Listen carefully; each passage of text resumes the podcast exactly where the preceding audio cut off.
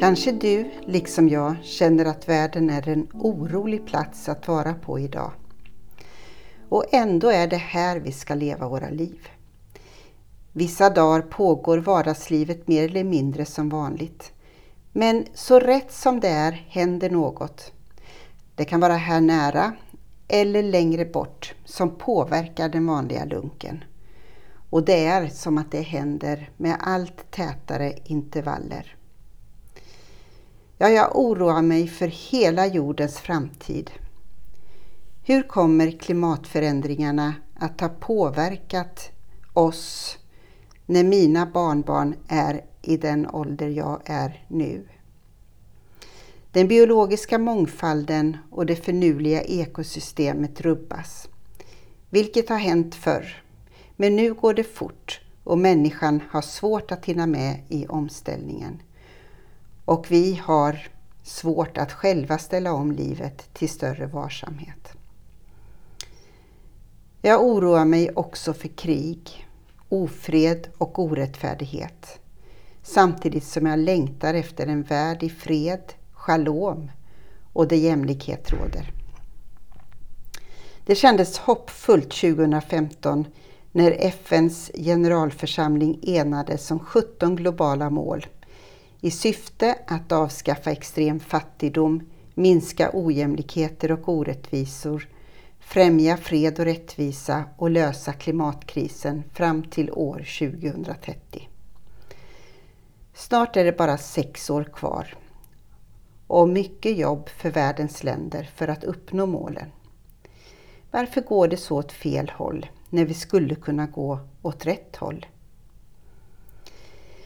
Jag griper Gud i handen och lever mitt vardagsliv också när oron drabbar mig. För vad annat kan jag göra? Ibland tänker jag på Martin Luther som talade om att plantera äppelträd också om världen går under imorgon. Låt oss göra det. Låt oss plantera äppelträd. Så ser jag också på våra församlingars och ungdomsföreningars arbete. Alla män, kvinnor, unga som kanske inte outtröttligt men ändå nitiskt gör sina uppgifter i kyrkan för att kyrkan ska vara en trygg plats, en safe place att komma till såväl med sin oro som med sin glädje. Så tänker jag också om våra böner. Vi fortsätter att be och litar på att Gud tar emot våra böner. Både den stora globala osäkerheten och oron som våra böner kan handla om för särskilda projekt eller händelser. På samma sätt får vi lämna vårt tack för det vi känner tacksamhet för. Bönen är en pågående handling som skapar stabilitet i en värld i mycket snabb förändring och i en oviss tid. Så låt oss fortsätta. Den här veckan ska vi be för Region Svealand, Sápmi och vår skapelse. Käre Gud, vi tackar och ber för församlingar och föreningar i Region Svealand. Vi ber för höstens nya satsningar och vi ber för det arbete som troget pågår år efter år.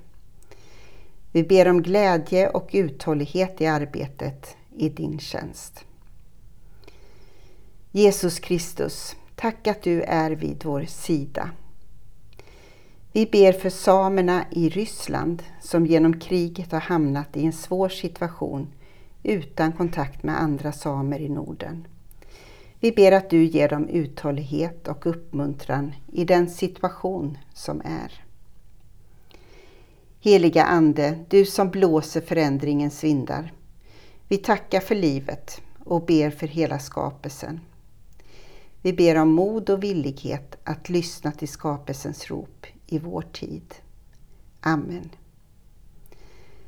Så gå nu ut och plantera ett äppelträd eller så ett frö av hopp i vår tid. Gud välsigna dig och din dag.